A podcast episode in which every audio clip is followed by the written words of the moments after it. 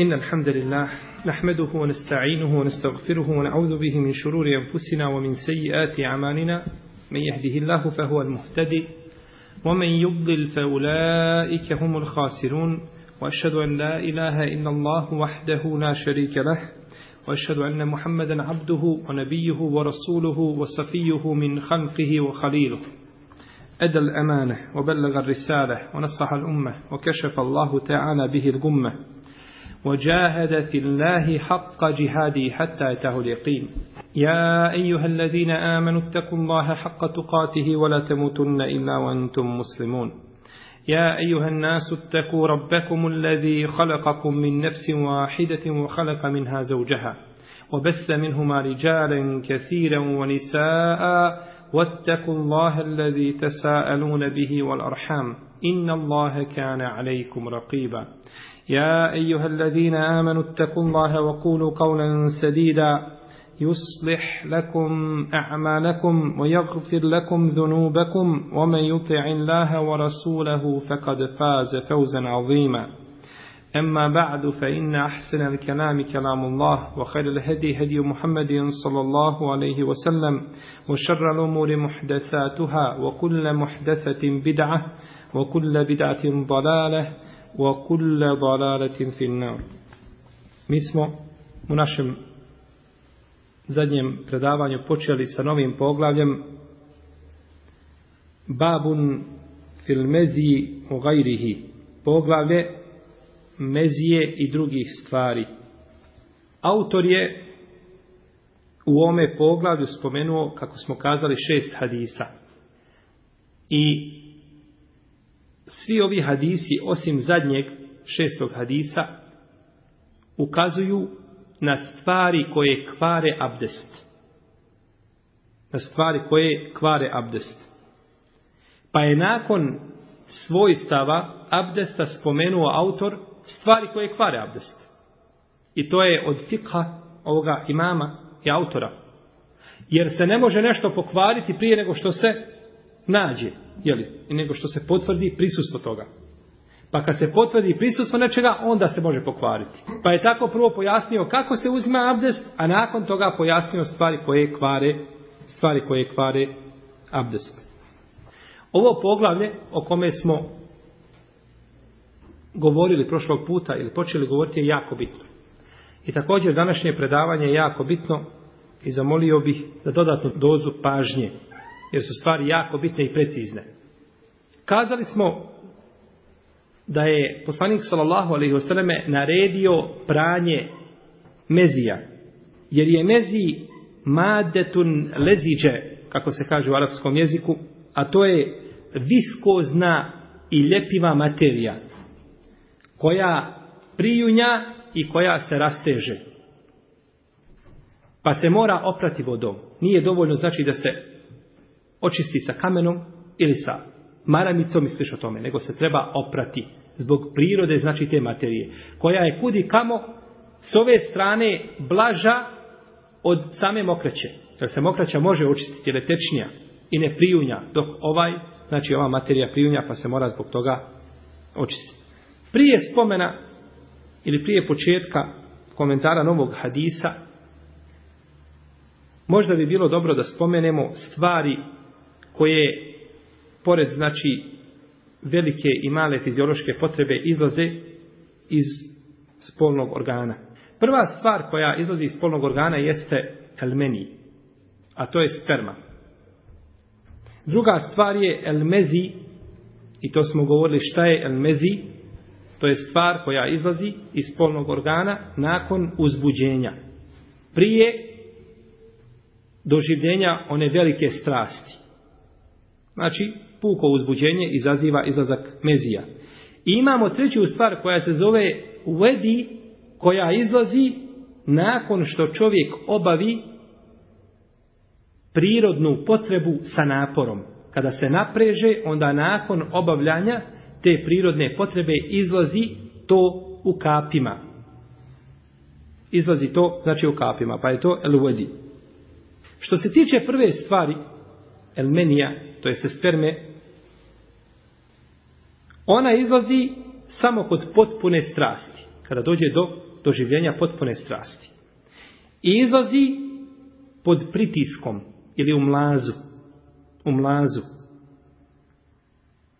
Na to ukazuju riječ Allaha te barake o ta'ala Huliqa min ma'in dafiq. Stvoren je od vode koja izlazi pod pritiskom u mlazu. Kako kod muškarca, tako i kod žene. Ali je razlika u izgledu. Kod muškarca je to bijela, gusta materija ili tekućina, jako gusta, a kod žene je žuta i rijetka. Ali s obzirom na izlazak i jedno i drugo znači mora izlaziti, mora izlaziti znači u mlazu pod pritiskom. Jahruđu min bejni sulbi od teraib koja izlazi između kičme i grudi.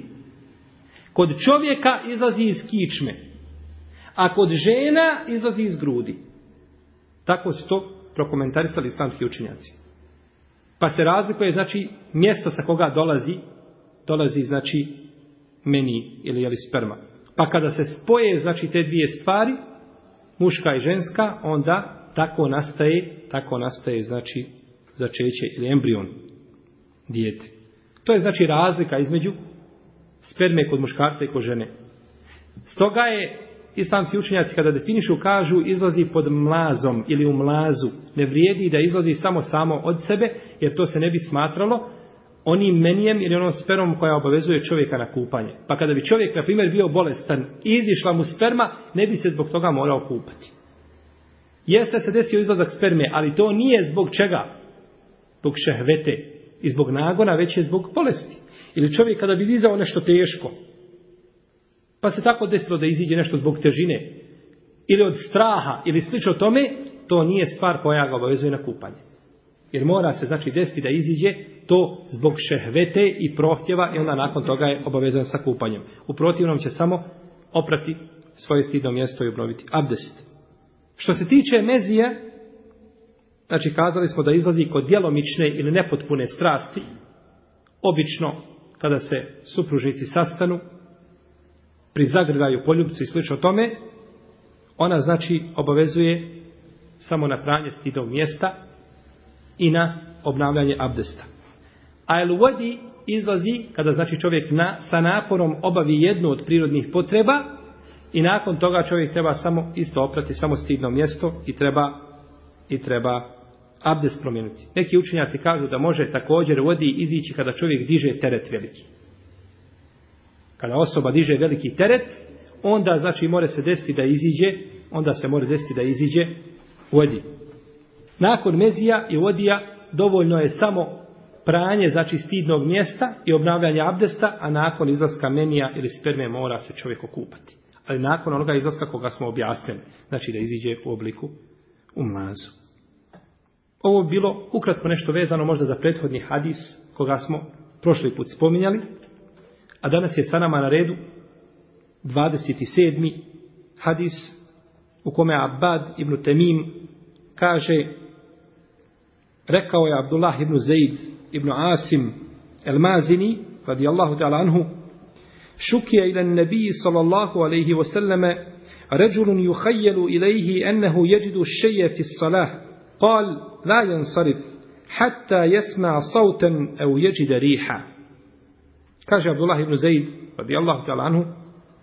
neko se požalio poslaniku sallallahu alaihi wasallame spomenuši mu čovjeka kome se čini ili pretpostavlja ili zamišlja da je nešto našao u namazu da je nešto našao u namazu misli se u svome stomaku pa je rekao poslanik sallallahu alejhi ve neće napustiti svoj namaz dok ne čuje glas ili dok ne osjeti miris. Neće napustiti svoj namaz dok ne čuje glas ili ne osjeti miris. Ovaj hadis Abdullah ibn Zaida je jedan veliki hadis sa velikim značenjima. Iako kratak po svome sadržaju i svojoj formi, ali nosi brojna značenja i brojna, brojna fikska pitanja se vežu za ovaj hadis. Pa je neophodno da razumijemo ovaj hadis znači ispravan način da bismo mogli ispravno rezonovati, ispravno rezonovati stvari i mesele i pitanja koja se tiču i vežu za ovaj hadis. Prvo, Abdullah ibn Zaid ibn Asim al-Mazini, mi smo se susretali sa njim, je tako? U 11. hadisu, pogledu Tahareta.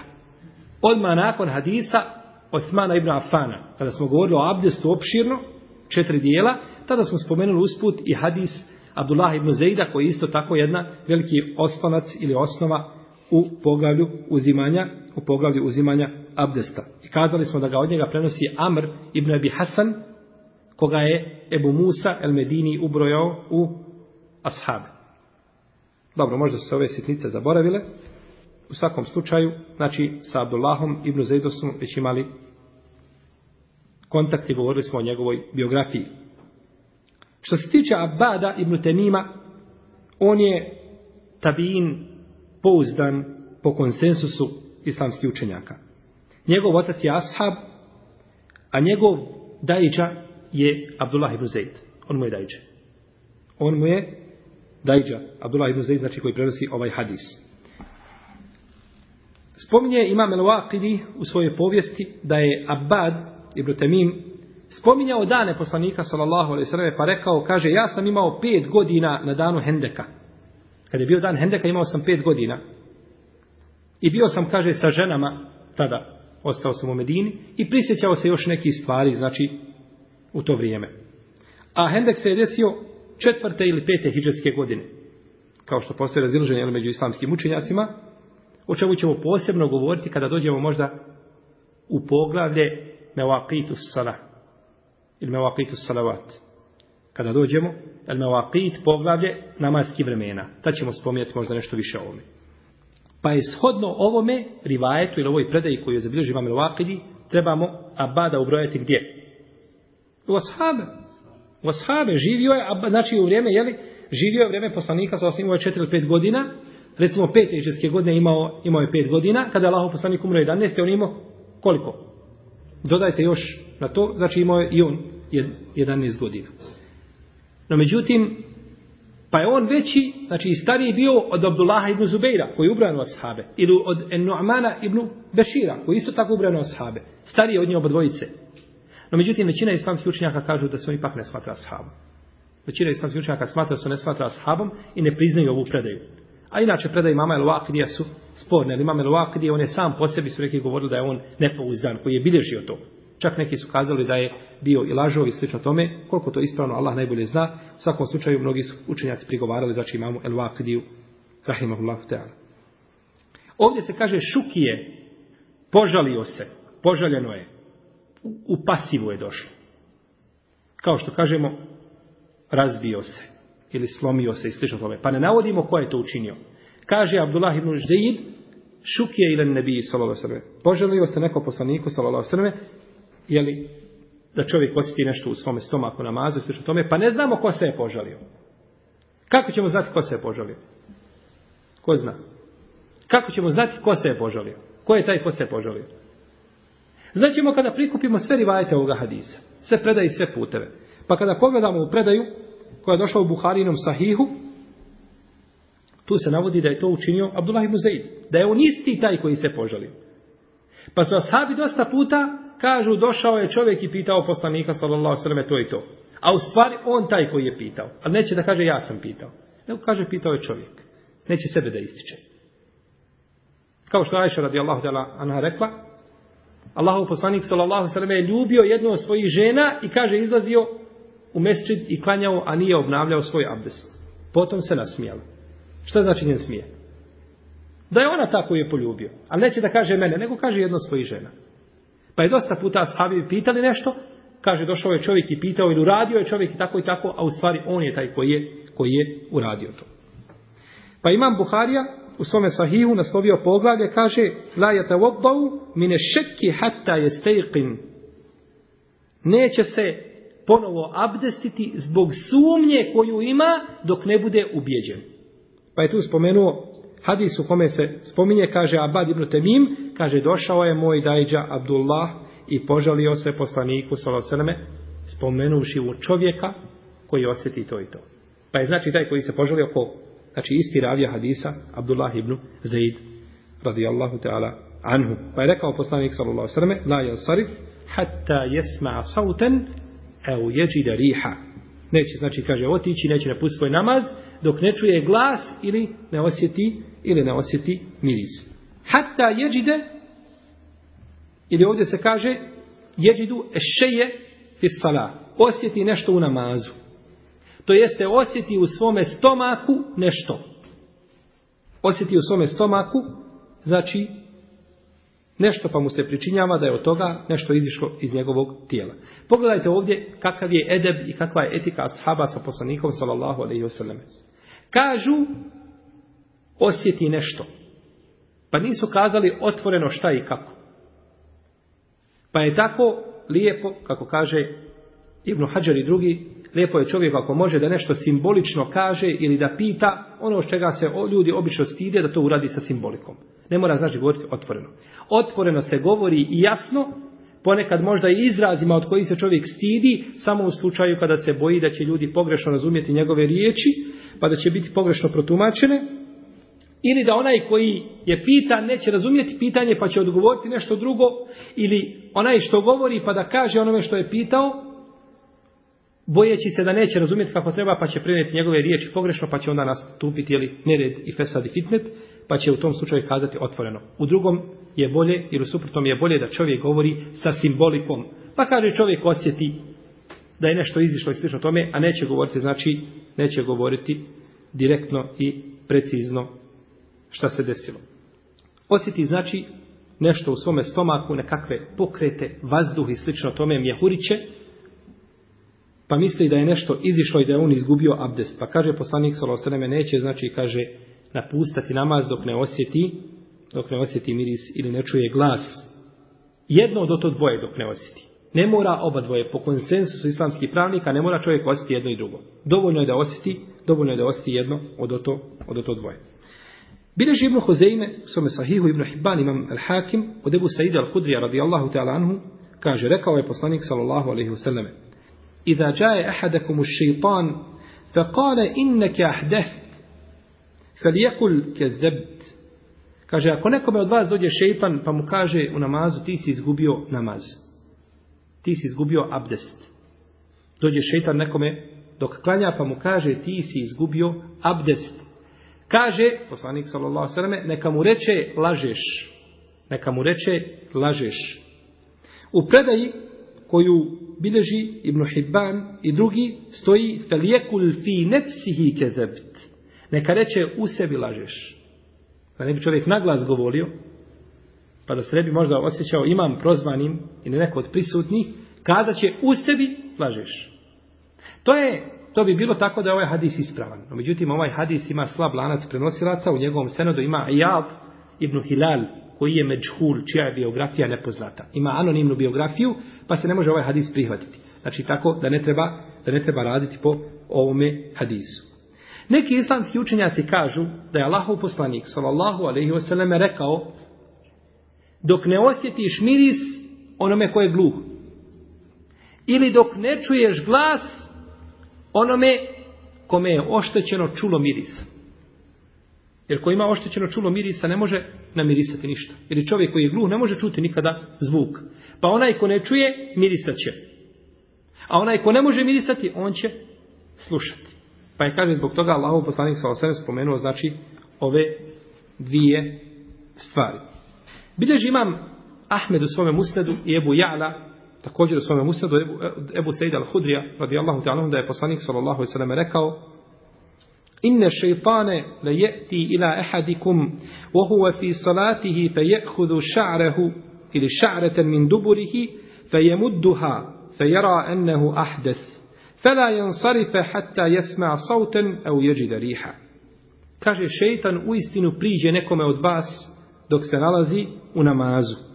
Pa kaže, uzme jednu dlaku sa njegovog stražnjeg dijela tijela, kaže, pa je vuče.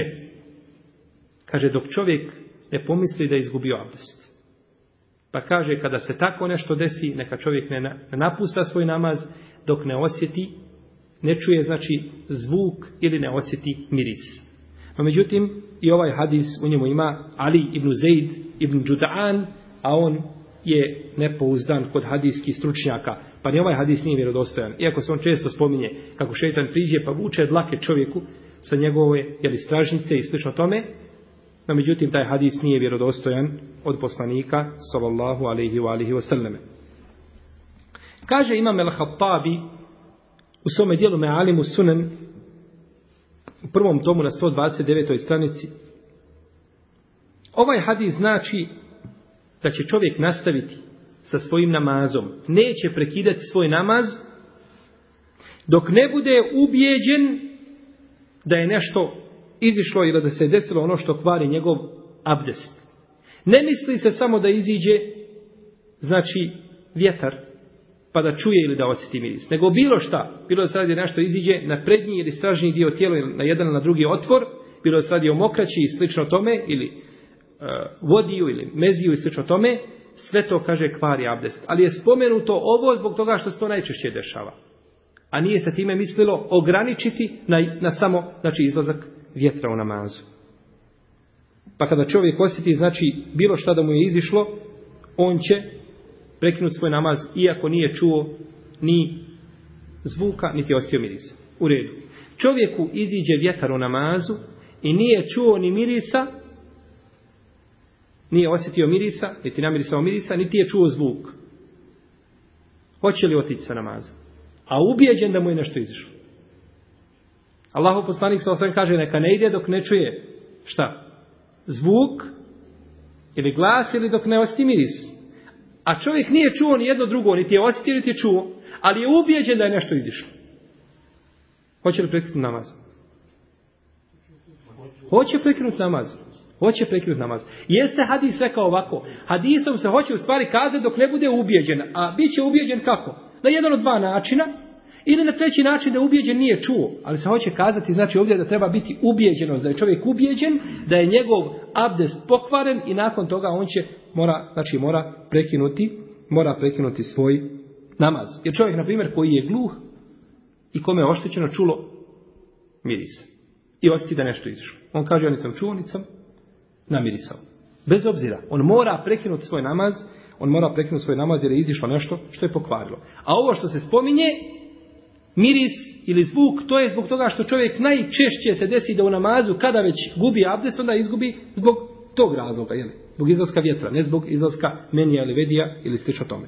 Kao što kaže poslanik sallallahu alejhi u hadisu, koga bilježi imam Abu Dawud i Bejhaqi i Ibn Hibban, "Iza istahalla sabiju warith osulija Kada dijete novorođenče malo doživi istihlal, a to je da podigne svoj glas da zaplače. Jer svako dijete kada se rodi zaplače.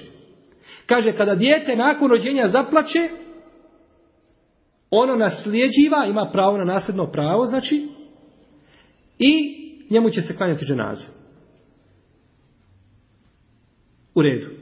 Dijete se rodilo i nije zaplakalo. Ima li pravo da nasledi?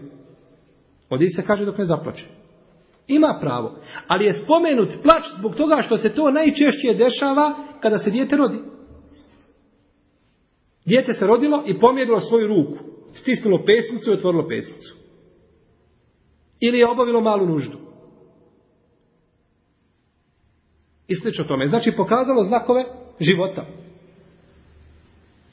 Ono nasljeđiva i njemu će se klanjati Bez obzira što nije zaplakalo. Ali se plać ovdje spominje zbog čega što, zbog toga što se to najčešće dešava djetetu. Pa je to onda spomenuto, znači, kao u ovome slučaju što je spomenuto, jeli, izlazak, izlazak vjetra, a nije se mislo ograničiti na samo, jeli, na samo izlazak vjetra. Na osnovu ovoga hadisa imam Buharija naslovio poglavlje, kaže, la je te obdav, mine šeki hata jeste Neće se abdestiti zbog sumnje koju ima dok ne bude ubijeđen. Dok ne bude ubijeđen šta da je izgubio abdest. A na drugom mjestu naslovio je poglavlje men lem jara el wudu'e illa min el mahređejni. Onaj ko ne smatra da treba obnavljati abdest osim zbog nečega što iziđe na jedan od dva otvora. A u poglavlju kupo prodaje imam je spominje ovaj hadis u poglavlju kupoprodaje. Naslovio je poglavlje pa kaže men nem jera el wasawise wa nahwiha min ash Onaj ko se ne obraća i ne osvrće se na vesvese koje šejtan ubaciva i slično tome i sumnje. Ne gleda u to. I ovaj hadis se i tekako ima veze sa kupoprodajom i sa muamelatima, općenito. O čemu ćemo tela govoriti nešto kasnije. Imam Bejheqije u svome dijelu Esunen wal Asar u 11. tomu naslovio poglavlje kod ovoga hadisa pa kaže žena nestalog čovjeka. Pazite, spominje ovaj hadis i kaže poglavlje žena nestalog čovjeka. Kakve veze ovaj hadis ima sa nestalim čovjekom? I sa ženom? Ko zna? Žena nestalog čovjeka. Ima veze s te strane što čovjek u namazu dok je neće prekinuti svoj namaz dok ne bude ubijeđen da je šta? Izgubio abdest. Tamam. Žena nestalog čovjeka smatra će se njegovom ženom sve dok ne bude ubijeđena da je on zaista nestao ili poginuo ili da ga nema i sve što Razumijete? Radi se o ubjeđenju. Pa neće kazati moj muž je samo nestao puko nestajanje muža, ja nisam više njegova žena. Ne, ne, ti ostaješ i dalje njegova žena dok se ne potvrdi da je on šta? Ili nestao, ili ubijen, ili slično tom. Pa je znači povezao, pogledajte, čak u brak i poglavlje braka su stavili ovaj hadis. I ulazi zaista u mnoge pore, vidit ćemo fikska pravila koja ćemo spominjati koji se vežu za ovaj hadis. Brojna fikska, fikska pravila se vežu, vežu za ovaj, za ovaj hadis. U ome hadisu je dokaz o legitimnosti pitanja onoga što se nije desilo, a što se očekuje da se desi. Inače, u šarijetu je pogrdno pitati ono što se nije desilo. Ali ono što se nije desilo i postoji mala ili skoro nikakva vjerovatnoća da će se to desiti. To je pogrdno. Ali nije pogrdno pitati ono što se nije desilo, a postoji velika mogućnost da se desi. To nije pogrdno, kao u ovome slučaju, što je pitao Abdullah ibn Zaid. I ovaj hadis je draga moje braće i cijenjene sestre, jedan veliki temelj i osnova u islamskom šerijatu. Veliki hadis. I jedan od hadisa na kome je građen i na kome se temelji ovaj šerijat. Iako možda po svojoj konstrukciji djeluje mal i da ne može nositi toliko poruka, ali zaista nosi brojne, brojne poruke u sebi. Jer se iz ovoga hadisa zaključujemo da stvari ostaju na svojoj osnovi ili u prvobitnom stanju dok se sa čvrstim ubjeđenjem ne ustanovi suprotno. Dok se čvrstim ubjeđenjem ne ustanovi suprotno. A onaj šek ili sumnja koji dođe usput, oni šta? Ne utječu na to ubjeđenje. Kada čovjek ima ubjeđenje pa mu dođe neka sumnja, uz to ubjeđenje, ta, to ubjeđenje znači ostaje pravosnažno, a ta sumnja nema nikakvog ibreta i nema nikakve pouke. Ovdje, kada smo spomenuli da čovjek neće prekidati svoj namaz kada posumnja Islamski učenjaci raspravljaju o pitanju. Kada čovjek biva u namazu, pa sumnja da je izgubio abdest. Šta će uraditi? Islamski učenjaci se podijelili o ome pitanju na tri mišljenja. Prvo mišljenje je mišljenje većine islamskih pravnika koji kažu ako čovjek posumnja u ispravnost svog abdesta, zna 100% da je uzeo abdest. I nakon toga posumnja bilo prije namaza ili u namazu. Bilo prije namaza ili u namazu. Što se tiče sumnje posle namaza, to nema nikog ibrata. To je islamski učenjac jednoglasno odbacio. No međutim, ako posumnja prije namaza ili u namazu, šta će biti? Kaže većina islamskih pravnika da takav nastavlja dalje sa svojim namazom i da ako je prije namaza neće obnavljati abdesta. Klanja. To je mišljenje većine islamskih pravnika. Šafijski učenjaka, hambelijski i hanefijski. Kaže druga skupina učenjaka to je rivajet od imama Eleuzaje i nekih hambelijskih pravnika, kažu ako čovjek posumnja prije namaza, obnovit će abdest. A ako posumnja u namazu, neće obnavljati abdest. Zašto? Zašto će obnoviti prije namaza, a neću namazu? Kažu jednostavno zato što šeitan čovjeku najviše dolazi u namazu. I najviše ga ezijeti ometao namazu. Hoće da mu prekine namaz. Pa bi to za čovjeka bilo opterećenje. A šerijet je došao jednostavni i lahat ljudima, pa kažu neće zbog toga obnavljati. A mora obnoviti prije namaza, zašto? Kažu, Allah ti je naredio da uzmeš šta? Abdest prije namaza, je tako? I ne možeš ući u namaz osim sa čvrstim uvjeđenjem da imaš abdest. Kako ćeš ući u namaz da ti nemaš objeđenja, nego sumnjaš. Kažu, to nije dozvoljeno da uđeš tako u namaz. Pa kažu, prije namaza će obnoviti, a u namazu neće, jer je to poteškoća za čovjeka. Jer je to poteškoća za čovjeka. I treće mišljenje je da čovjek mora obnoviti prije i za vrijeme namaza. Čovjek posumnja prije namaza ili za vrijeme namaza da izgubi abdest, mora prekinuti namaz i obnoviti svoj abdest. I ovo je mišljenje nekih islamskih pravnika malikijske pravne škole. A međutim, Allah najbolje zna da je od ovih mišljenja najispravnije prvo. Da čovjek ako posumnja prije namaza ili za vrijeme namaza neće prekidati namaz i neće obnoviti abdest. Može ako hoće, ali šerijet ga ne duži da obnovi da obnovi abdest. Jer čovjek ima objeđenje da je uzeo abdest, jel tako? A sumnja da li ga je izgubio. Šta je jače, objeđenje ili sumnja? Ubjeđenje, jasna stvar, ubjeđenje je jače od sumnje. Pa ta sumnja nije snaga i ne može pobiti to ubjeđenje. Jer ubjeđenje pobija samo ubjeđenje. Pa čovjek u ovome slučaju, znači šerijetski nije obavezan, nije obavezan da promijeni, nije obavezan da promijeni, znači ili da obnovi svoj abdest. Uzvišen je Allah Đeržanu kaže وَلَا تُبْطِلُوا I nemojte sami svoje djela kvariti. Čovjek u namazu i posumnja da je izgubio abdest, a nije ubijeđen. Zbog čega kvariš sam sebi djela? A Allah žena kaže, nemojte sami svoje djela kvariti. A ti bi ga pokvario čime? Prekidanjem, je tako? Pa nemojte sami sebi djela kvariti, osim znači ako ste ubijeđeni, osim ako ste ubijeđeni u neispravnost toga djela. Kada bi čovjek bio ubijeđen da je nakon što je uzeo abdest, izgubio ga. Ubijeđen je da je uzeo, ali je da ga je izgubio. Takav je izgubio abdest po konsenzusu pravnika i tu nema spora. Znači ubijeđen da je uzeo, ali isto tako ubijeđen da je izgubio. Zašto smo u prvom slučaju odbacili ono mišljenje, a u drugom ga prihvatili? Kad smo kazali ovdje da je čovjek ubijeđen da je izgubio abdest, kazali smo mora obnoviti abdest. A u prvom slučaju smo kazali kada sumnja da nije izgubio i ne mora. Zašto u prvom ne mora, u drugom mora? Zato što je u prvom slučaju sumnjo. Ima ubjeđenje da ima abdest, a u drugom sumnja. A u, znači u prvom ima objeđenje da ima abdest i sumnja da li ga je izgubio. Pa ta sumnja ne može pobiti šta? Ubeđenje. Ali u drugom ima ubjeđenje da je uzeo abdest i ima objeđenje da ga je šta? Pa objeđenje može pobiti ubeđenje. Ubjeđenje može pobiti objeđenje. jednostavno. Znači u prvom slučaju sumnja ne može pobiti ubjeđenje, a u drugom ubeđenje pobija ubjeđenje, jer su oni na istoj dereži, na istom, na istom stepenu. U redu. Čovjek ubijeđen da ima abdest, i ubijeđen da ga je izgubio. Samo ne zna da li je prvo izgubio abdest ili ga je uzeo. Razumijete? Čovjek ubijeđen da je uzeo abdest i da ga je izgubio. Ali ne zna šta je bilo prije od to dvoje. Je li ga je uzeo ili je nešto izišlo iz njega pa izgubio. Šta će? Po ispravnijem mišljenju kod islamskih pravnika tu postoji spor. Znači nije jednoglasno kao što ste se vi složili. Ali, ali kod islamskih pravnika postoji spor da li treba ili ne treba, ali je ispravno i rađih mišljenje da treba. Ispravno je znači prioritetnije i preferirajuće mišljenje jeste da treba obnoviti da treba obnoviti svoj abdest.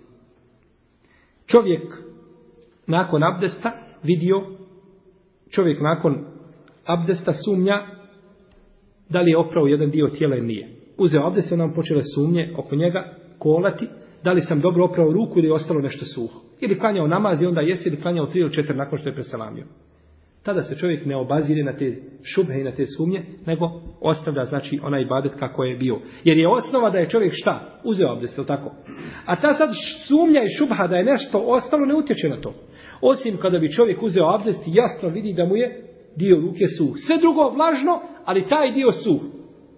To je druga stvar, to je već dokaz jasan.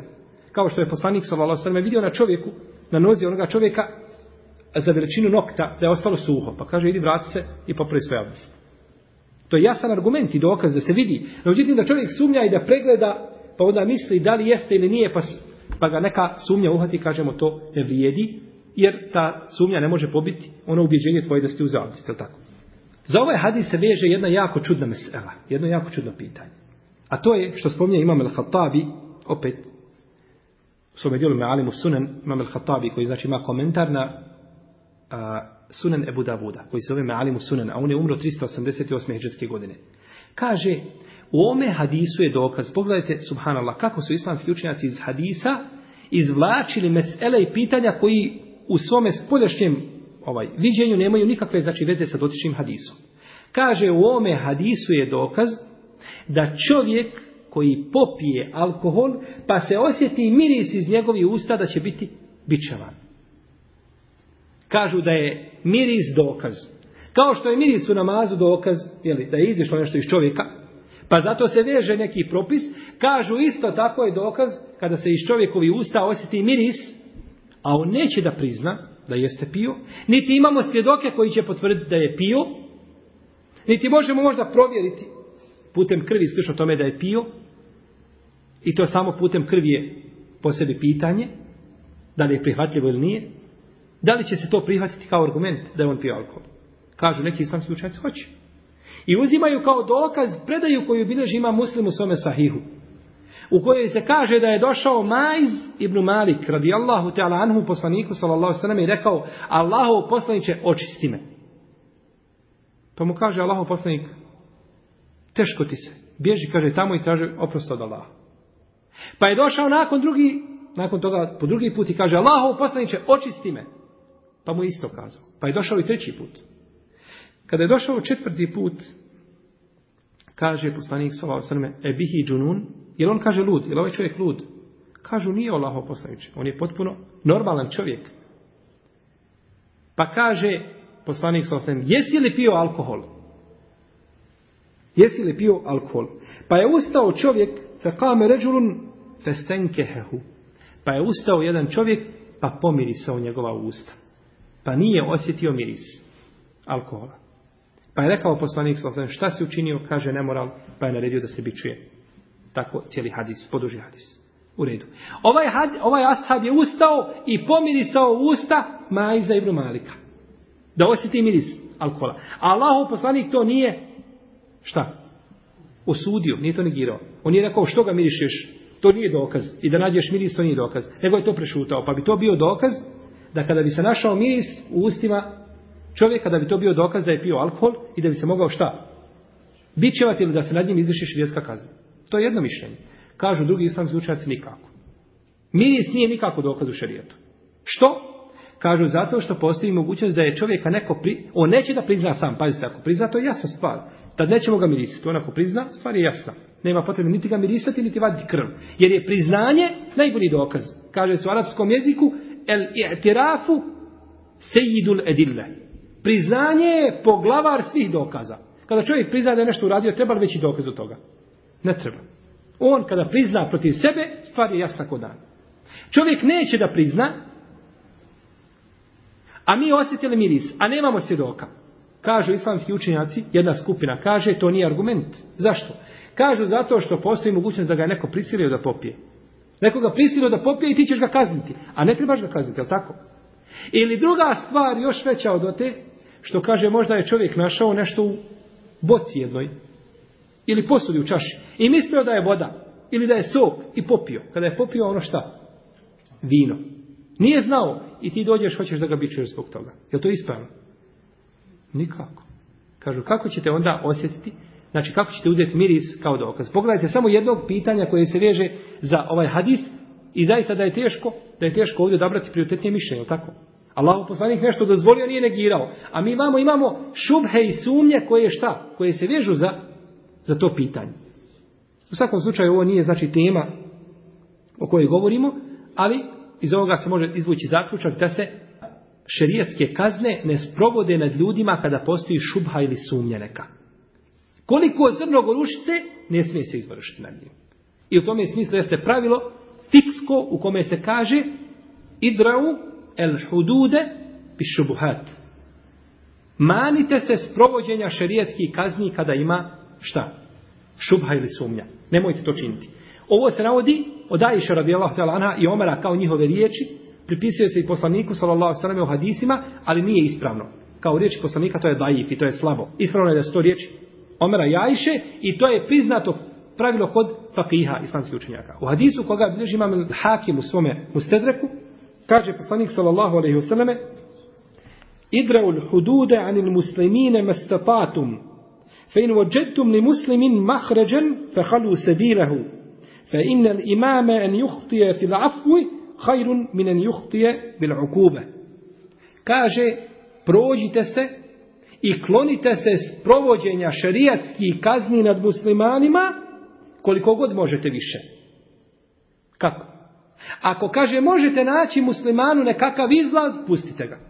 To jest ako ima bilo kakva šubha ili sumnja, pustite muslimana, nemojte sprovoditi. Stvar je jasna, ako on prizna, ili imamo četiri se dokaza, ne mora li slično tome, onda je jasna stvar. No, međutim, ima nekakva situacija koja je nejasna ili polunejasna. I imaš nekakav argument šerijatski validan i opravdan da pustiš muslimana da ne izvrši šerijatsku kaznu. Kaže poslanik sallallahu nemojte kaže pustite ga i nemojte izvršavati nad njim šerijatsku kaznu jer kaže da imam ili kadija pogreši u oprostu, to je bolje nego da pogreši u kazni. Jel tako? Bolje imamo da oprosti čovjeku pa da pogreši nego da ga kazni pa da je pogrešio. Jer kad mu oprostiš, ostaviš čovjeka kakvog jeste, no međutim osjećaš mu ruku ili ubiješ ga, a on nije bio zaslužen da bude ubijen. Pa zbog toga, subhanala, i to je mudrost i hikmet u šerijetu, da se ne sprovode šerijetske kazne, osim kad nema nikakve šubhe i sumnje. Kao u slučaju kada je došao majz pa priznao. Došao majz i priznao. Ili kada je došla ona žena koja je zvala El pa priznala da je učinila nemoral. Kada prizna nakon toga, sve je Jer ova žena sa kojom je majz počinio da je učinila nemoral, ona nije priznala. Pa nju nije naredio Allah poslanik da je šta? Ubiju, niti ću jela koja je bila djevojka sliče tome. Jer ona mora priznati ili mora biti četiri svjedoka. Ovdje četiri svjedoka nema. I kako kaže šehol Islam Ibn Tejmije, nikada se u islamu nije desilo izvršenje šerijatske kazne za čin nemorala što sto vidjela četiri svjedoka. Nikada. Kako je to šerijat postavio precizno? Četiri svjedoka da vide i to šta da vide? Sami čin. Ne da vide samo da su dvoje bez odjeće ili osamiti negdje. Ili da su se sve što tome, ne vrijedi. Mora vidjeti čin koji se smatra nemoralom. I to je Allahov poslanik pravo pisao od Isima šta mora vidjeti. Tako precizno da se to nikada nije desilo, da se potvrdi znači čin nemorala sa četiri svjedoka. Prvo čovjek ide putem, kada vidi nekoga on obara pogled, okreće se. Ko će zvati nekoga da vidi četiri osobe i tako dalje. To je sve, to je sve ne, skoro pa nepojmljivo. Ali to je šerijat postavio da čuva hurmet muslimana. Da čuva, znači, hurmet muslimana. Po ovome hadisu znači naređeno da čovjek ostavi to. međutim, ovaj hadis, kako kaže Šejh Albani u petom tomu svojih sila, na 222. stranici ima slab lanac prenosilaca. Ali njegovo značenje je ispravno.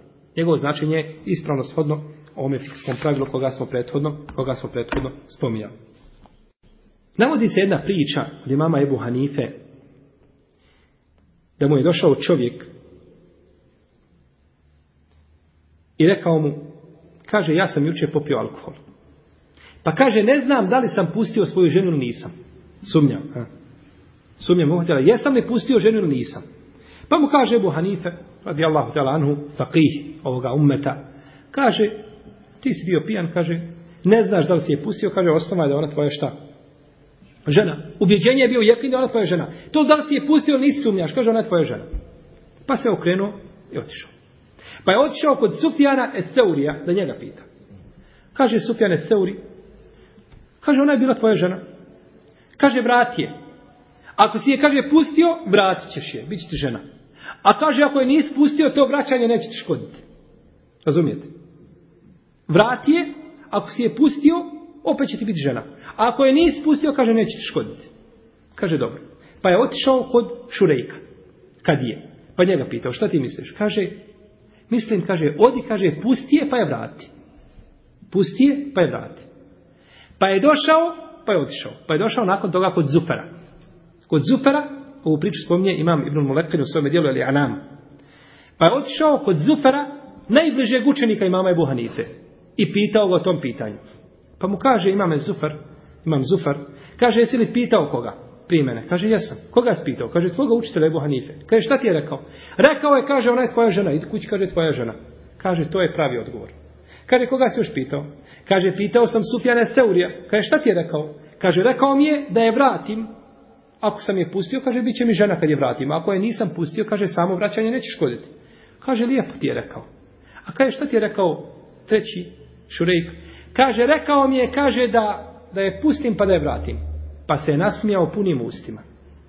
Pa je rekao, navešću ti ja primjer njih trojice. Kako izgledaju fetve njih trojice, sad ću ti ja kaže, praktično navesti. Kaže, primjer njih trojice je, kaže, kao primjer čovjeka koji je prolazio pored jednog potoka koji je sam nečist. Pa onako uzburkan pršće po putu. I čovjek tuda prolazio. Pa je prošao, pa kada je prošao, onda sada gleda da li je nešto došlo na njegovu odjeću od te nečisti, od tog neđaseta.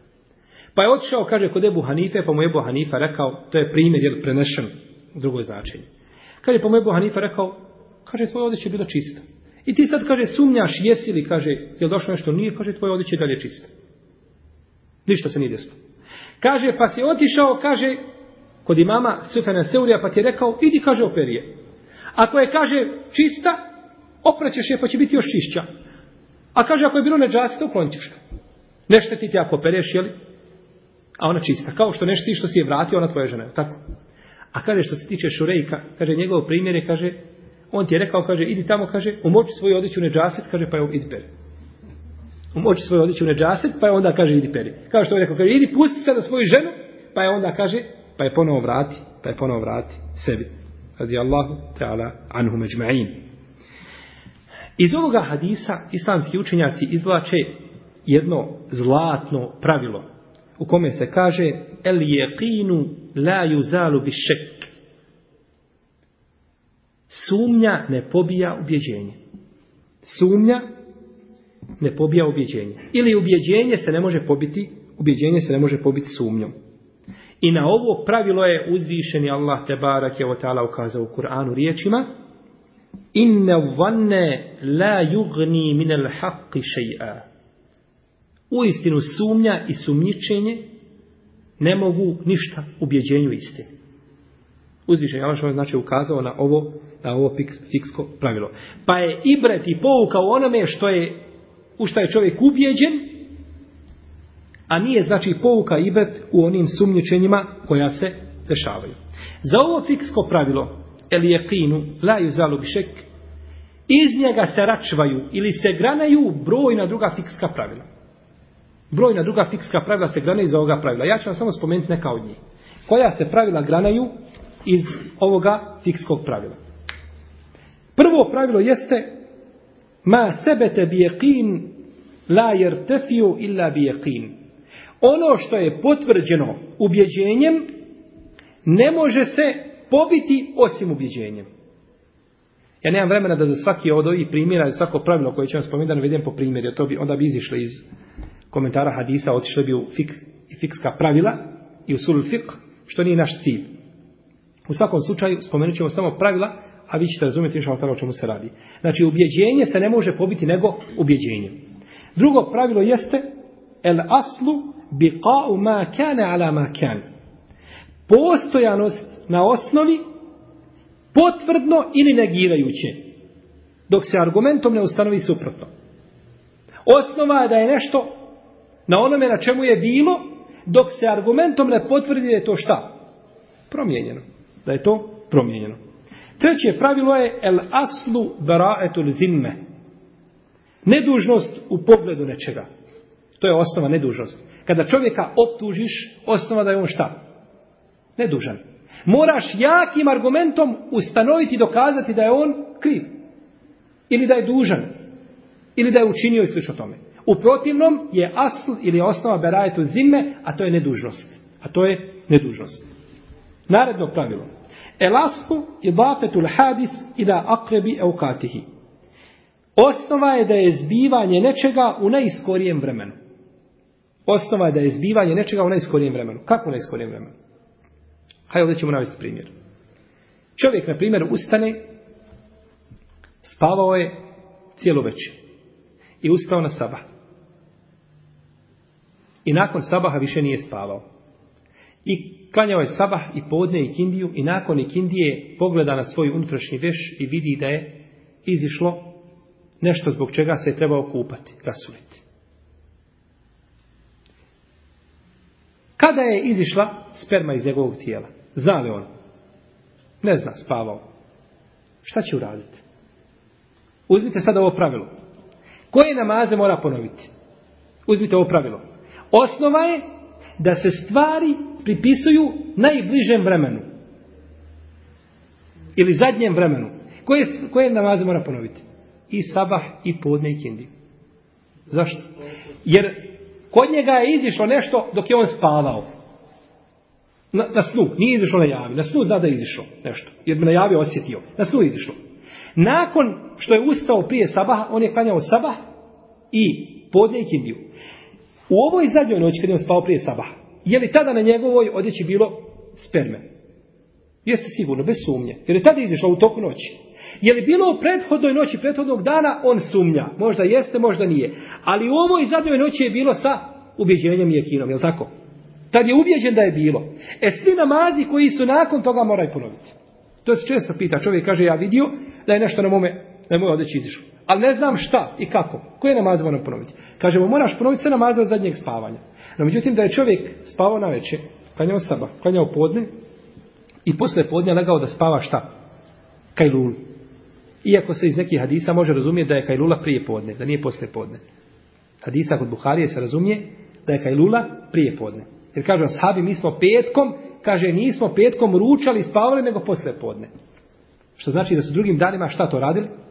Prije podne. Tako se razumije iz nekih hadisa. međutim, kajlula je kod islamskih učenjaka u arapskom jeziku kajlula znači kale je kilu znači da je čovjek spavao sredinom dana.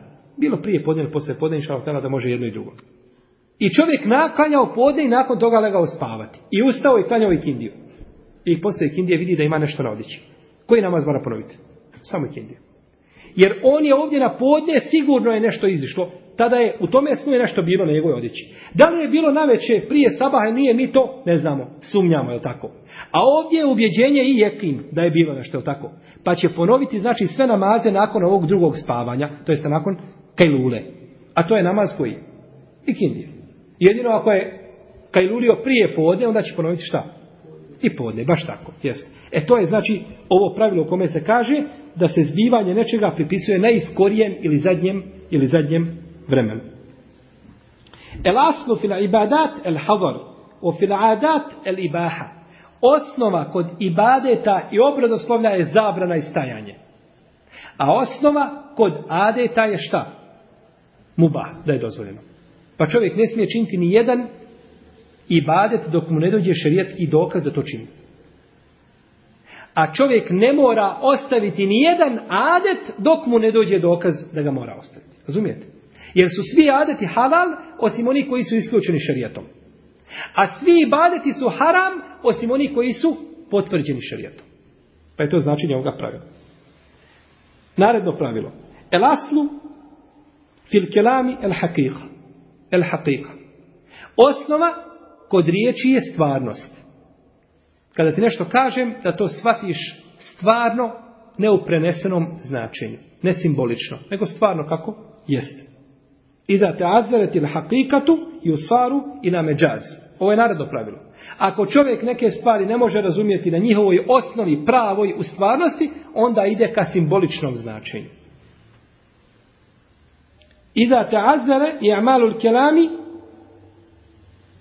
juhmel. Ako se ne mogu riječi razumjeti, ni u stvarnosti, ni simbolično, onda se odbacuju. Neće se nikak prijati. Zbog čega? Kakve veze ima ovo pravilo sa ovim pravilom? Iako im se ne može pobiti sumnjom. Ko zna? Ako se stvari ne mogu razumjeti ili riječi, ni stvarno, ni simbolično, onda se odbacuju. Neće se nikako uzimati.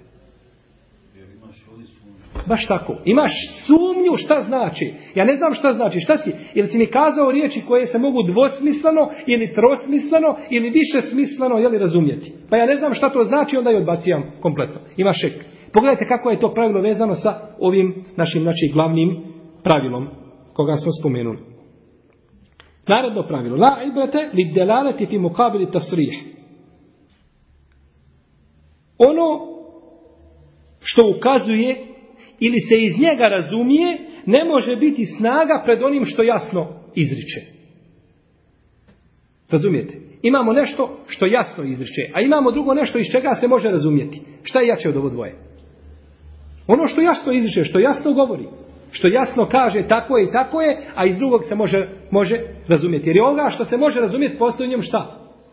Sumnja. A u ovome drugom što jasno izriče nema sumnje, ima jekin. A mi govorimo o čemu? Jekinu i sumnji. Pa pogledajte kako se prepliči ova pravila i kako su sva usko povezana. I da imamo vremena navoditi primjere za svako pravilo po par primjera, onda biste vidjeli kako je to isprepleteno, ko jedna mreža, ta pravila. I da je zaista neophodno poznavati ta mnoga pravila. Ovo je samo jedno pravilo, a iz njega se grana možda 15 ili 20 drugih pravila koji se moraju poznavati, znači da bi se moglo adekvatno ili na propisan način donijeti sud po nekom pitanju. Naredno pravilo. La ila sakitin walakinne sukute fi ma'redi l'hađeti ila l'bejani bejanun. Čovjek koji šuti ne pripisuju mu se nikakve riječi. Ne možeš kazati on šuti i on je toga mišljenja. Osim u jednom slučaju. Kada je čovjeku dužnost da kaže, a on šuti. Razumijete? Sad ću vam kazati kako. Čovjek došao u sudnicu. I sudija mu kaže, ti si ukrao toga dana to i to. Ili, na primjer, mi sjedimo u jednom sjelu. To ćemo do ovoga drugog primjera u drugom slučaju. Mi sjedimo na jednom sjelu. I jedni ljudi kažu mi bismo ovako, drugi kažu mi bismo onako. A jedna skupina tamo sjedi i šuti. Što ćemo kazati za njih? S kim su oni? Možemo li kazati sa jednima ili sa drugima? Ne možemo. Ni kim. Ne možeš kazati s kim su ti ljudi. Pa se tome čovjeku koji šuti ne može pripisati ništa dok on ne kaže. Osim u slučaju kada čovjek mora i treba da priča. Kao ovaj slučaj drugi koji sam počeo spominjati. Došao čovjek u sudnicu i kaže mu sudija, ti si toga dana ukrao to i to. Ili kaže ti se ome čovjeku dužan toliko i toliko para. I on šuti. Jel tada potvrdio? Hoćemo mu tada pripisati nešto? Naravno, pripisat ćemo mu da si ukrao tamo njemu ili da je dužan. Zato što šuti kada mora pričati. On je sada morao progovoriti. I zato se kaže za poslanika i za ulema da nije dozvoljeno im da šute kada moraju pričati. Na primjer, da neko iznosi laži na šrijet i sjedi alim i šuti. Tad mu nije dozvoljeno, tad mora progovoriti, tada je morao progovoriti. U će mu se pripisati te riječi i bit će odgovoran za to. Naredno pravilo. La ibrate bit tawafum. Puk je pretpostavke i zamisli i sumnje ne utječu. Da čovjek nešto pretpostavlja i sumnja, to ne utječe znači na istinu. La ibrate bil vanni el bejini hatauhu. Nema pouke u očito pogrešnoj tvrdnji. Jer je to više od sumnje. Čovjek kada sumnja može biti ha, pola pola. No međutim kada dođe nešto čija je tvrdnja ili greška očita onda kažemo šta? To nema nikakvog ibrate, nema pouke. To se odbaciva. Pa je to još gore od same sumnje šak. Mi smo spomenuli ovdje možda nekih 12 ili 13 pravila, u svakom slučaju ima još skupina pravila koji se vežu koji se vežu za ovo pravilo. međutim, da se zamaram više sa ovim pravilima, sigurno, fikska pravila i usulska pravila su, braćo, jako bitna stvar. Jako bitna stvar, jer to su kalupi i filteri kroz koje kada hoćete neka se stvar desila, savremena, onda taj događaj pustite kroz ove filtere da prođu. I onda i ovi filteri filtriraju. I na kraju vam iziđe kao sito, ono brašno, čisto. Izijam, iziđem odgovor koji se poklapa sa šarijetom. No, međutim, ako čovjek odgovara samo po mislima svojima, ne poznaje ova fikska pravila, Boga u mnogo slučajeva će onda biti jeli, promašeni i čtihadi neće biti, znači, pogođeno ono što je šarijet htio. Ova pitanja i ovaj hadis se veže, znači, kazali smo za ibadet ovdje. Kako za uzimanje abdesta? Kada čovjek uzme abdest, pa sumnja da li, na primjer, oprao jednu ruku dva ili tri puta. Kazat ćemo koliko je puta oprao. Dva puta i neka opere treći put čovjek klanjao namaz i u namazu ne zna da li je treći ili četvrti rekiat, sumnja.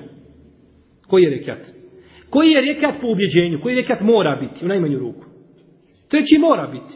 I to je jefin to je ubjeđenje. Treći je sigurno. Ali ja sumnjam u koji? U četvrti. Ali je treći sigurno, pa ću smatrati da je to treći zato što je treći ubjeđenje, jel tako? A četvrti je sumnja. Pa uvijek idem na ono što je znači manje.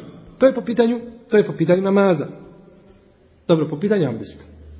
Čovjek uđe u halu i obavi prirodnu potrebu. I iziđe i onda sumnja da li je uzeo abdest ili ne uzeo abdest. Šta je ovdje? Nije uzeo abdest. Jekin je da je obavio prirodnu potrebu, a to kvari abdest. A onda sumnja da li je uzeo ili nije uzeo. Gdje se sumnja pojavila? Kod toga da li ima abdest ili nema abdest. Znači kod abdesta. A nije se pojavila kod gubljenja. Gubljenje je sigurno. Pa kažemo nemaš abdesta, idi ponovo abdest. Idi ponovo, idi ponovo abdest.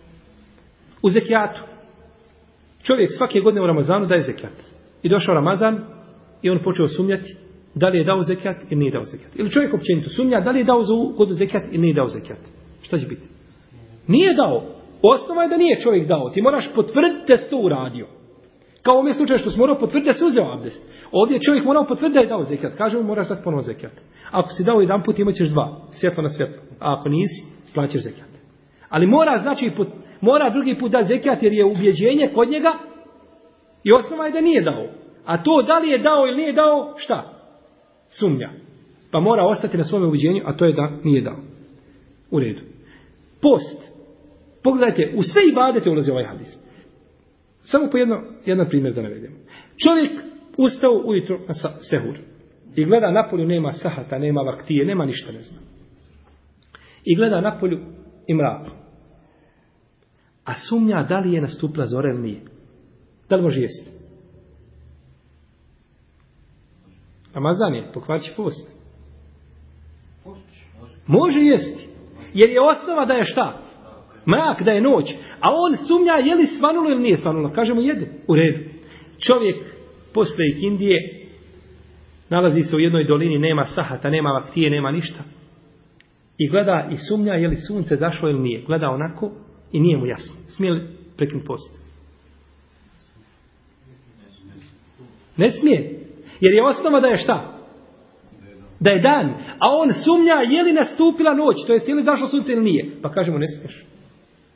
Jer moraš se zadržati na jekinu. A ona šubha koja je kod tebe sad je, ovaj, sumnja se pojavila, da li je sunce zašlo ili nije, to ne može pobiti šta, ovo da je dan. Razumijete? Čovjek na tavafu. I ne zna da li je treći ili četvrti onaj šaut ili krug. Koji će računati? Treći. Isto kao na nas. Treći, a među čim se sežde. Tako. Čovjek na arefatu i hoće izaći sa arefata. Ali gleda u sunce negdje zaklonjen i šatora ne vidi dobro i ne zna da li je sunce zašlo. A treba ostati do zalaska sunca. Hoće izaći ili neće izaći? Isto kao pitanje čega? Post. Neće izaći jer Osnova je da je dan, a on sumnja je li sunce zašlo ili nije sunce zašlo. Pa kažemo ne, osnova je da je dan, čeka još dok se malo ne smrači pa onda izađi, ne smetati ako malo ostaneš. Kaže Seuri, ne smetati ako ga opereš, A ono, čisto. Čovjek baca kamenčiće u onaj džemret, ili baca u na, mini i bacio džemret. I sumnja da li je pogodio ili nije pogodio. Je li pogodio ili nije pogodio? On sumnja je li upao u ono korito ili nije. Šta će računati? Da je upao ili da nije upao? Da nije upao. U redu. Čovjek bacio i vidio da je upalo. I onda posumnja da li je upalo ili nije upalo. On bacio i vidio da je upalo. I onda posumnja možda se je odbilo. Pa iskočilo na polje. Šta će biti? Upalo. Jer je ono što je upalo je jekin. A on sumnja je li iskočilo ponovno pa nije pa kažemo ostane na jekinu. A sumnju odbaci, udari sa njom o zid. Čovjek sumnja je li pustio ženu ili nije pustio ženu? Je li joj dao talak ili nije dao talak? Je li dao talak? Nije. Jer je on ubijeđen, ona je njegova žena. A sumnja da li je prestala biti žena. Pa kaže mu sumnju odbaci, a uzmi Čovjek sumnja da li je ženi dao jedan ili dva razvoda. Ili tri. Ili jedan. Sumnja između jedan ili dva. Ili sumnja između dva ili tri. Šta će biti? Biće manje. Ili jedan ili dva. A tri neće biti nikako. Pa ako sumnja između jedan i dva, bit će jedan, Ako sumnja između dva i tri, bit će dva Jer je on ubijeđen da su dva. A za treći sumnja. E ta sumnja ne može pobiti šta? Ono ubjeđenje da je ona dalje poježena. Iz ovoga pravila islamski učenjaci izvlače još jedno pravilo bitno za ove stvari. Pa kažu, kada bi čovjek rekao svojoj ženi, enti talikun, talikun, talik, jel na arapskom, ti si puštena, puštena, puštena. Šta je s njegovom ženom? Kažu islamski pravnici, on može se naći u tri slučaja. Ovdje ovo njegovo se može, on se može naći u jedan od tri slučaja sad kod ovi riječi. Da je time ciljao, ti si puštena, prvi put kada je puštena, drugi put kad je rekao puštena, potvrđuje joj to prvo puštanje, kao sigurno si puštena. I treći put kaže, ma jesi sigurno. Pa kaže, puštena, puštena, puštena, misli, jedan put i sigurno i sigurno potvrđuje. Koliko je razvoda ovdje desilo se? Jedan. Jer je on samo jedan potvrdio. U redu. On je rekao tri puta, puštena si, puštena si, puštena si, ciljajući da je pušta tri puta i da mu se više ne može vratiti, dok je ne oženi drugi čovjek na širijetski propisan način, znači ne stupi sa njom u braću vezu, nema, ne bude imao sa njom odnos, potom je pusti pa je on tek oženi. Kada kaže tri puta puštena si ciljajući to, šta se desi? Jel tri puta, ne može više imati kao ženu. Jeste. Po, po, po mišljenju imama četiri mezheba, ona mu više nije žena i ne može je više imati za ženu dok je drugi čovjek ne oženi i ne desi se ono što smo govorili. Pa je on razvede, pa je tek ovaj oženi. To je po većine islamskih pravnika. Šehol Islam Ibn ima to drugo mišljenje, on kaže da to ne može proći, da je to ipak jedno puštanje, međutim ispravno je kod fakiha, izrazite većine fakiha da se to smatra, fakiha četiri pravne škole da se to smatraju tri puštanja. I treća stvar jeste da nije cilio ništa, nego se igrao jezikom onako. Nema šta raditi, pa suzbijaš sa šalu sa ženom. Pa kaže, puštena nas, pušta nas, pušta nas. Ovdje se islamski učenjaci spore. Jedni kažu, jedni kažu, računat će se jedno puštanje. Zato što si rekao jedan put i to se je desilo, to je jekin da si je pustio jedan put, a one druge ćemo ti oprostiti. A one druge ćemo ti oprostiti. No, međutim, neki kažu, ne, ona je dalje njegova žena, neće se ništa desiti, jer mi sumnjamo šta je on ciljao s otim i same riječi nisu jasne, postoji šubha, a što se tiče jakina, jakin je da ona njegova žena, pa će i dalje ostati, pa će i dalje ostati njegova žena. I tako vidimo da ovo fiksko pravilo ulazi u sva poglavlja, kako i badete, tako mu amelate od kupo prodaje. Čovjek hoće prodati nešto čovjeku. I roba pred prodavcem. I kaže kupac, ja sam njemu platio. Iz se. Kakav je propis? Jel mu platio, nije mu platio? Kaže, ja sam te platio, kaže, ovaj nije isplatio. Čije će riječi biti gornje? Čija roba? Riječi prodavca. Tako je. Vidiš prodavca. Jer je osnova da ti meni nisi dao para, tako? To je osnova. A to da li si mi dao para ili nisi, tu se sporimo. Pa zato je obaveza, kad čovjek nešto zagovara, da dođe sa čime? Dokazom. A onaj koji poriče da dođe čime? Ne možemo dokazati. Da dođe sa zakletvom. Sa zakletvom. Sa zakletom. Jer ti kažeš ja sam njom platio. Kaže da argumente. Evo kaže argumenta. Imao sam toliko i toliko para, neko vidio i on meni toliko vratio kusura i sad imam toliko toliko. Ili da se onaj pretresije pa da se nađu pare. Ili da je neko vidio da je on platio. No međutim, može li ovaj dokazati da mu nije platio? Nema dokaza, on se može zaklesti. Pa riječi u ovome slučaju bivaju riječi, znači ako ovaj nema argumenta, ovaj nema argumenta da je platio, a ovaj se zakune da nije, onda biva da nije platio. Jer je osnova da nisi platio, a sumnja je da li si ili nisi, ili tako? Ili odnosno, da li je platio znači robu. Pa biva, riječi prodavca bivaju tu, riječi prodavca bivaju tu veće i gornje. U ovome hadisu, kao i u brojnim drugim hadisima je, draga moja braća i sestre, dokaz rahmeta Allahovog tebara je otala prema nama i širine ovoga šarijata, Kako nam nije nikakve poteškoće učinio. Šta mislite kada bi čovjek, kada god posumnjao, abdest mijenjao ga? Ili kada god posumnjao neku stvar, kada bi to učinio tu stvar. On se ne bi mogao kotarisati vesvesa nikako. Jer jedan od načina da se kotarišeš vesvesa jeste da znaš ova pravila. I dođe ti šeitan sa svojim vesvesama, to tako dođe samo kao zraka kada dođe na ogledalo pa se odbije. Ništa ne može. No, međutim, ko svoje srce otvori vesvesama kao spužva kada sipaš na nju vodu, samo upija, nikad stati. Pa je šarije došao da te stvari prekine. Kažu, jekin se ne može pobiti sa sumnjom. I završena stvar. Ubjeđenje se ne može pobiti sa sumnjom. Sumnja koja dođe, neka se samo odbija. I zato je šehol sam Ibn Taimije, rahimahullahu ta'ala, rekao svome učeniku Ibn Kajimu, kaže, učini svoje srce kao staklo, kao gledalo a kaže, nemoj ga učiniti kao spušva. Jer tako, znači, srce samo ubija, upija, jeli, upija sumnje i šubhe koje se, koje se dešavaju i kojima je izloženo. Vidjeli smo veličinu ovoga hadisa, iako sigurno postoje još mnoge stvari koje bi se mogle kazati vezane za ovaj hadis. Ali ovo je bilo, inša ono što je najbitnije što su islamski učenjaci spomnjali u pogledu ovoga velikog hadisa i fikskog pravila koje se veže za njega, el je klinu laju zalu višek. Pa smo time završili, inša Allah, drugi hadis poglavlju Mezija. će Allaha te barak je da nas pouči našoj vjeri i sunetu poslanika sallallahu alaihi wasallame da popravi naše stanja i stanja naših porodica i da pomogne muslimane u cijelom svijetu da popravi naša djela da nam najboljim od naših dijela učini zadnja od njih i da sretnjamo našeg gospodara Tebarake wa ta'ala na šehadetu La ilaha illallah Muhammedu Rasulullah wa تعالى عالم nabina Muhammedin wa Ovdje nam je došlo nekoliko pitanja putem interneta. Assalamu alaikum, poštovani brate, kakav je stav Islama po pitanju imena Nikova ovdje u ovoj sobi na Paltalku? A čiji su nazivi škatljivi kao na primjer pa navodi ovdje neka lijepa i tako neka imena. Znači da žena, vjerovatno radi se o ženama, da sebi stavi ime svoje, pa lijepa ovakva, cvijet, ruža i slično tome kako se već navodi to, kako se mogu vidjeti nikovi. Da li to odgovara stidu muminke da se predstavlja pod ovim nikovima? Sigurno da žena kada se predstavi pod nikom, na primjer, da napiše muminka ili cvijet, proljeća ili slično tome, da tako nekakav nik se napravi, otvorila je put i vrata da je ljudi negdje tamo uvijek odvaje u stranu. Na privatni onaj čat, jeli, kako to već čine mnogi. I onda otvori sebi vrata i otvori vrata šeitanu. Žena treba da sebi stavi nik, najbolje da stavi pod nik svoga muža. Ili da stavi nik neki ozbiljan, ali nije to, jer su počele i žene odvajaju muškarce u stranu. Pa ako stavi ime pod muž, može i njega neko odvojiti u stranu. Najbolje je da stavi nik pod nekim neutralnim ovaj imenom, tako da se ne može znati šta je. Bedr. Bedr. Bedr Bosna, jel? Bedr.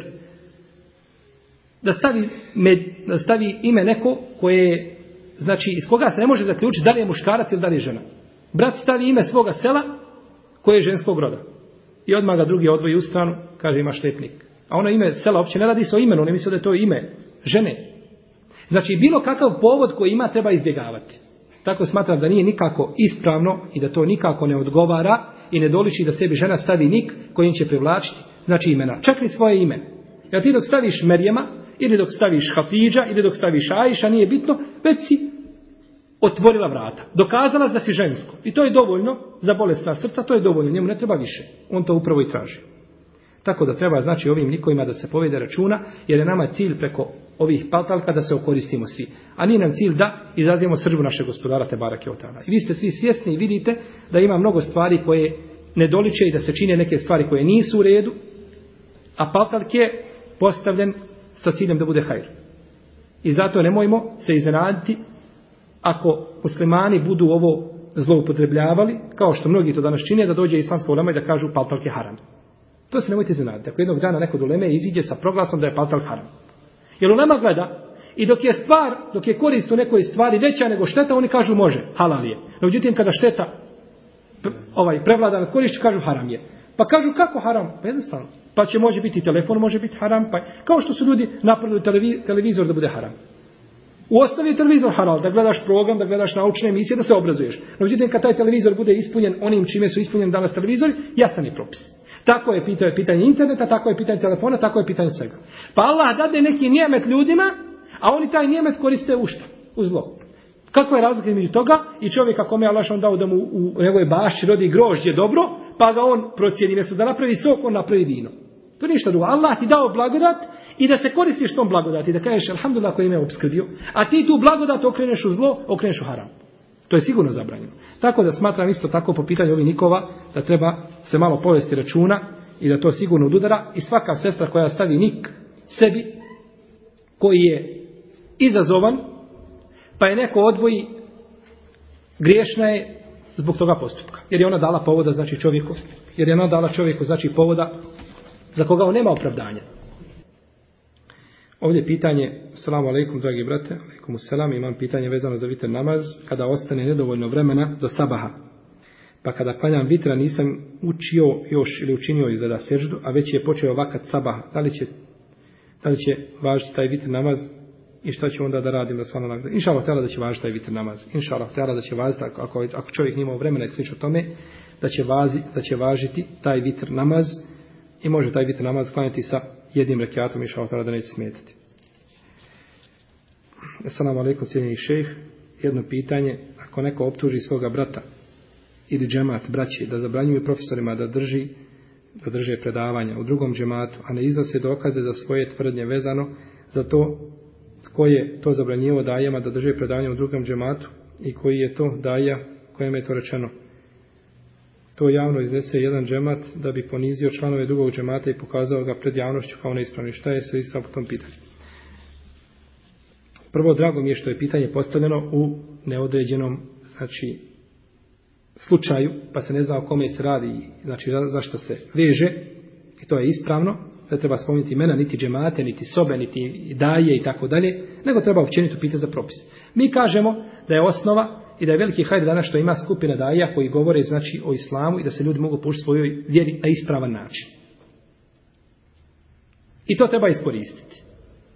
I treba, znači svaki džema treba naći dovoljno prostora u svojim grudima da prihvati sve daje i sve ljude koji govore po Kur'anu i sunnetu da čine davu. No, ljudi ponekad se desi razilaženje ili da neki džemat smatra da neko daja nije kompetentan da priča ili ga smatra da on nije na menheđu ili slično tome, ili je čuo od nekoga nešto i slično tome. U većini slučajeva takve stvari bivaju samo puke tvrdnje bez argumenata, no međutim u svakom slučaju, ako se već desi da neka, neki džemat ne dozvoli nekom odaja da dolazi kod njega smatrajući ga da nije ispravan i da nije na menheđu, onda to ne trebaju širiti među ljudima i stvarati fitnet i nered.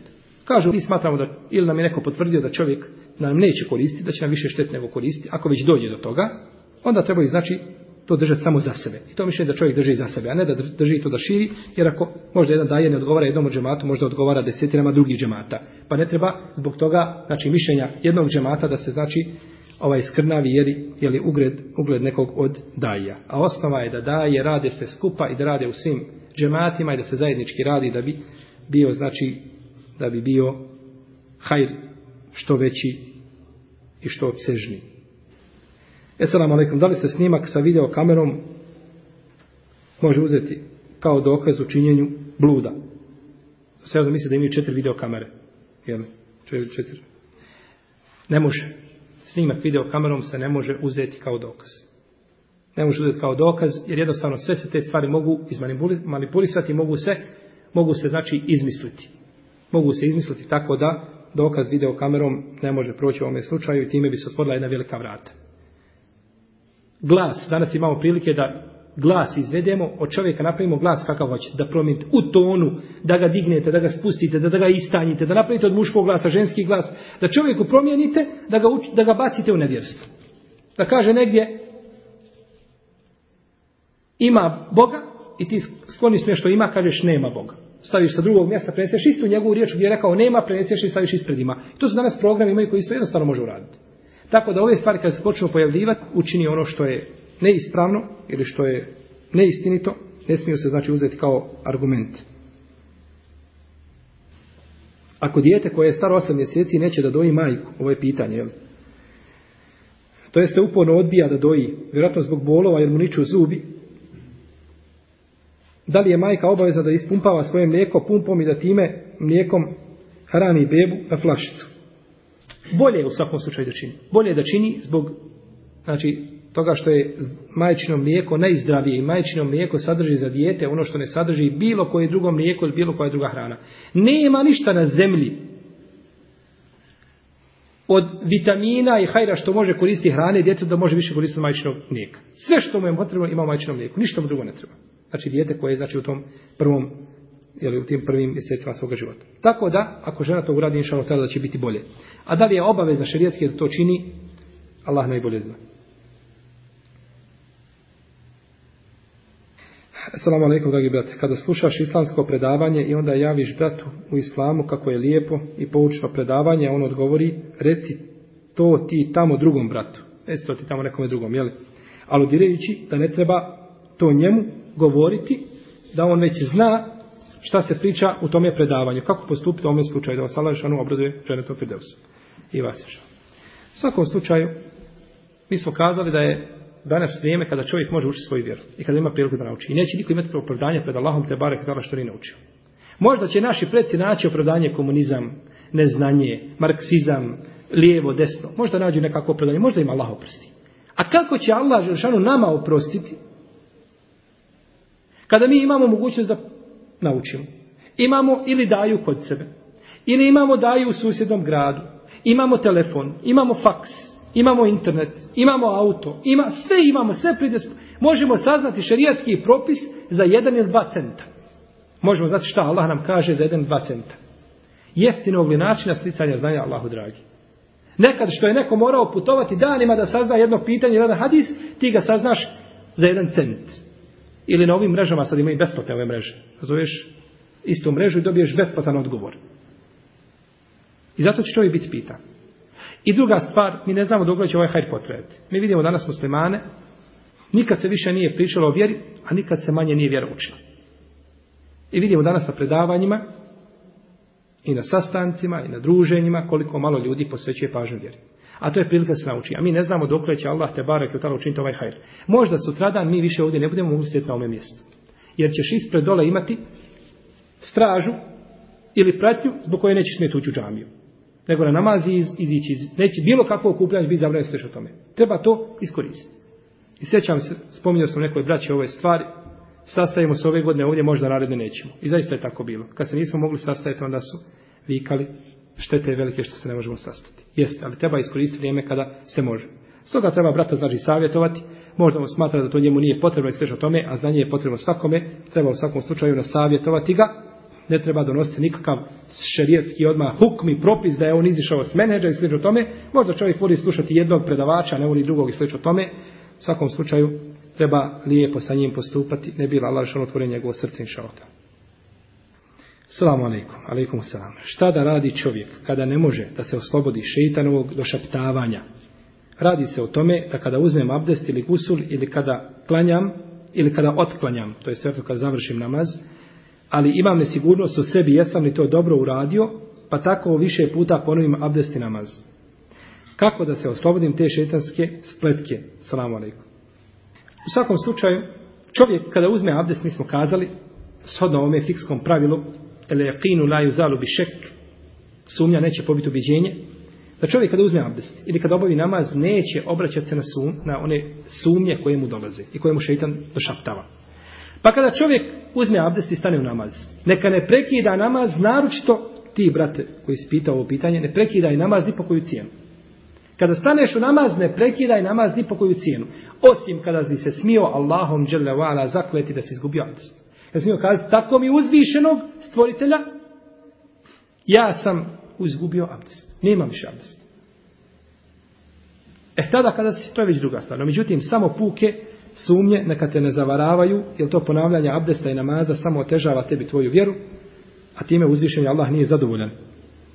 Allah ne voli ljude koji su mu u osvisi, koji imaju svesa, Zato što je svesa teška čovjeku. I zato što je sa šeitanovo djelovanje. A čovjek ne smije šeitan ostaviti prostora da djeluje. Uzmeš abdest, završi namaz i gotovo. Islamski učenjaci kažu čak kada je čovjek u namazu, pa mu šeitan dođe sa, sa šaptavanjima, kaže ti si u namazu samo da bi te ljudi vidjeli. Ti ne klanjaš ni zbog čega, nego da bi ljudi kazali kako ti dugo klanjaš i kako dugo ostaneš na ruku. Kažu, produži još više ruku. Još više ostane na ruku, pa će onda kada je šeitan osjetiti da je on uzrokom da si ti učinio neko dobro djelo. On će osjetiti sebe odgovornim to što si ti ostaviš na ruku, kaže pa ćete pobjeći, pa ćete pustiti, ostani kao što si bio prije, ja sam zadovoljan. Pa ćete ostaviti. Znači ne obraćaj se opće na šeitanske ove vesvese, jer to otežava čovjeku, otežava njegovu vjeru. O, eslamu alaikum, je li hala bosanska ili bošnjačka riječ? To jest, da li i ostali narod Riječ hala je arapska riječ. Kaže se el hala. El hala znači brisani prostor, brisani prostor ili neko daleko mjesto, udaljeno mjesto. Jer su oni išli u, znači na daleka mjesta bili su WC, znači vani izdvojeni, van sela, pa su ljudi išli daleko tamo. Pa se je zvalo to neko daleko mjesto ili brisani prostor. Salam alaikum, pitanje, da li je ispravno da majka pusti svoje dijete da se tušira i to dijete mislim tim tuširam da je uzeo i abdest za namaz. Da vas Amin, salam alaikum. Alaikum salam. Dijete, ako čovjek zna da se dijete zna samo istuširati, znači da može istuširati na propisan način, neka učini tako. U svakom slučaju neka mu pokaže kako će se tuširati na propisan način. Neka ga pouči, pa neka se onda dijete samo tušira, ako je znači spremno za tuširanje. Ako je dijete suviše malo, onda tu je stvar, tu je stvar jasna. Ako muško obavi hađ, on je hađija. A ako žensko obavi hađ, ona je hađinca. Kako se treba zvati žena od hađije i muž od hađince? Ja se sjećam, jedan naš hađija je bio i uvijek mu govorila hađija. A njegovoj Hanumi govorila hađinca. Ona nije bila govorila hađ. Pa jedan put jedan čovjek nešto mu to dosadilo mu to pa kaže pa nije ona hađinca. A ovaj se hađija naljuti. Kaže, kako nije hađinica? Ja sam hađija, ona je hađinica. Kaže, u redu, kaže. Ja sam, kaže, profesor. jer moja žena profesorica? Pa kaže, nije. E kaže, tako ni tvoja žena nije hađinca. Tako ni tvoja žena nije hađinca. Znači, žena od hađije niti se zvati hađinca, niti profesorica od profesora, već zove se po imenu. I to hađija je kod nas mač sa dvije oštice. S jedne strane mi je drago kada se kaže hađija, da druge ljude podstaknemo da i oni čine hač. Ali s druge strane je mač sa onom bližom oštricom koja može čovjeka porezati, da se viče hađija, hađija, pa da čovjek time osjeti ili oholost, ili time da je hađ nešto što ne može svako učiniti, ili slično tome, onda ta riječ nije pohvala. Kao riječ hafiz.